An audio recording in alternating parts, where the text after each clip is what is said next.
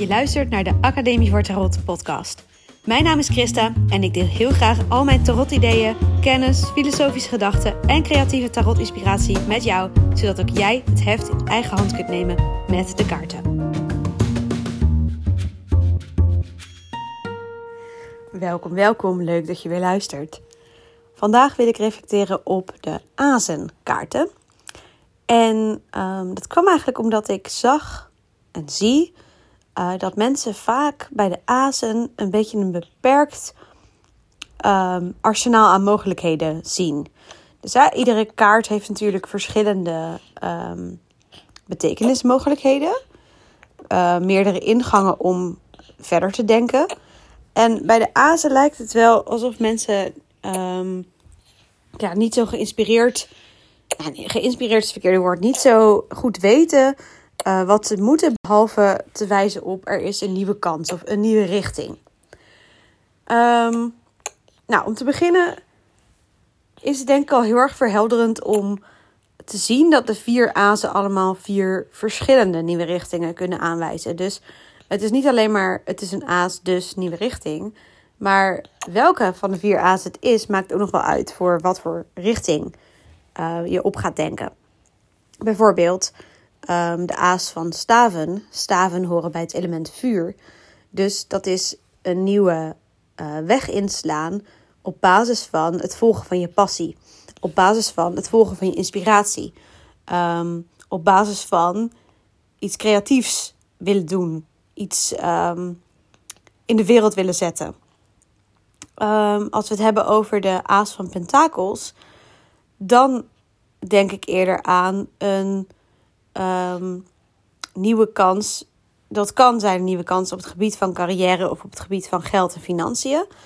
Meer abstract kan het gaan over het maken van verstandige keuzes. Um, in de doenstand gaan, niet denken maar doen. In actie komen. Um, niet blijven hangen in denken en uh, gaan bouwen. Pentakels zijn ook heel erg kaarten van het bouwen. Een beetje stapje voor stapje iets opbouwen. Dus iets nieuws, een nieuwe uh, eerste stap zetten om iets concreet te gaan maken. Um, de aas van zwaarden, aas van het denken, gaat juist over het hebben van nieuwe ideeën, nieuwe inspiratie opdoen, brainstormen.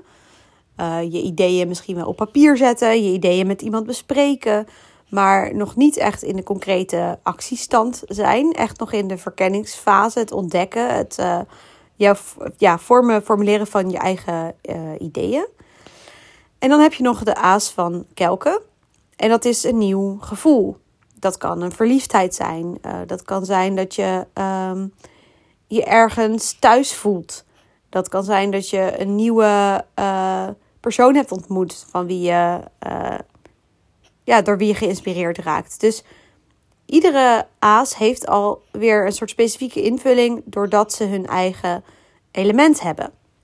Waar ze bij horen en hun eigen uh, kernwoorden in die zin. Uh, maar azen zijn ook de kaarten van focus. Uh, iets terugbrengen tot eenvoud.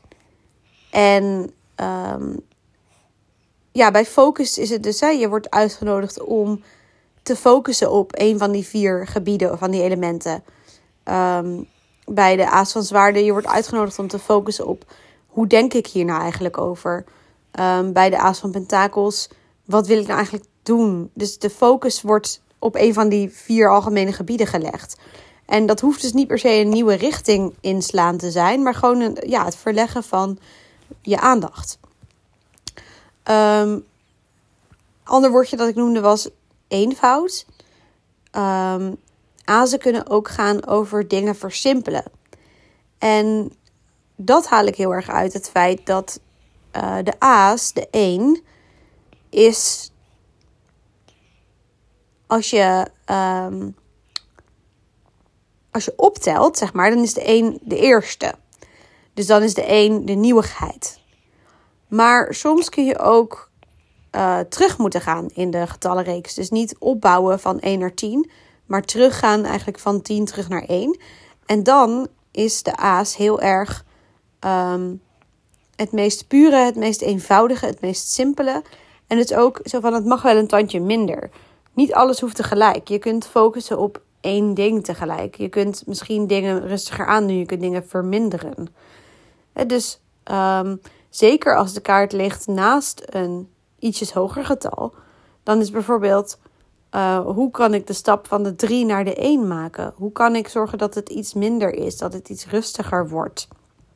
Dus um, ja, dan heb je niet per se een nieuw, nieuw begin, hè, dat dingen heel anders worden, maar wel de focus verleggen naar ik wil dingen iets minder.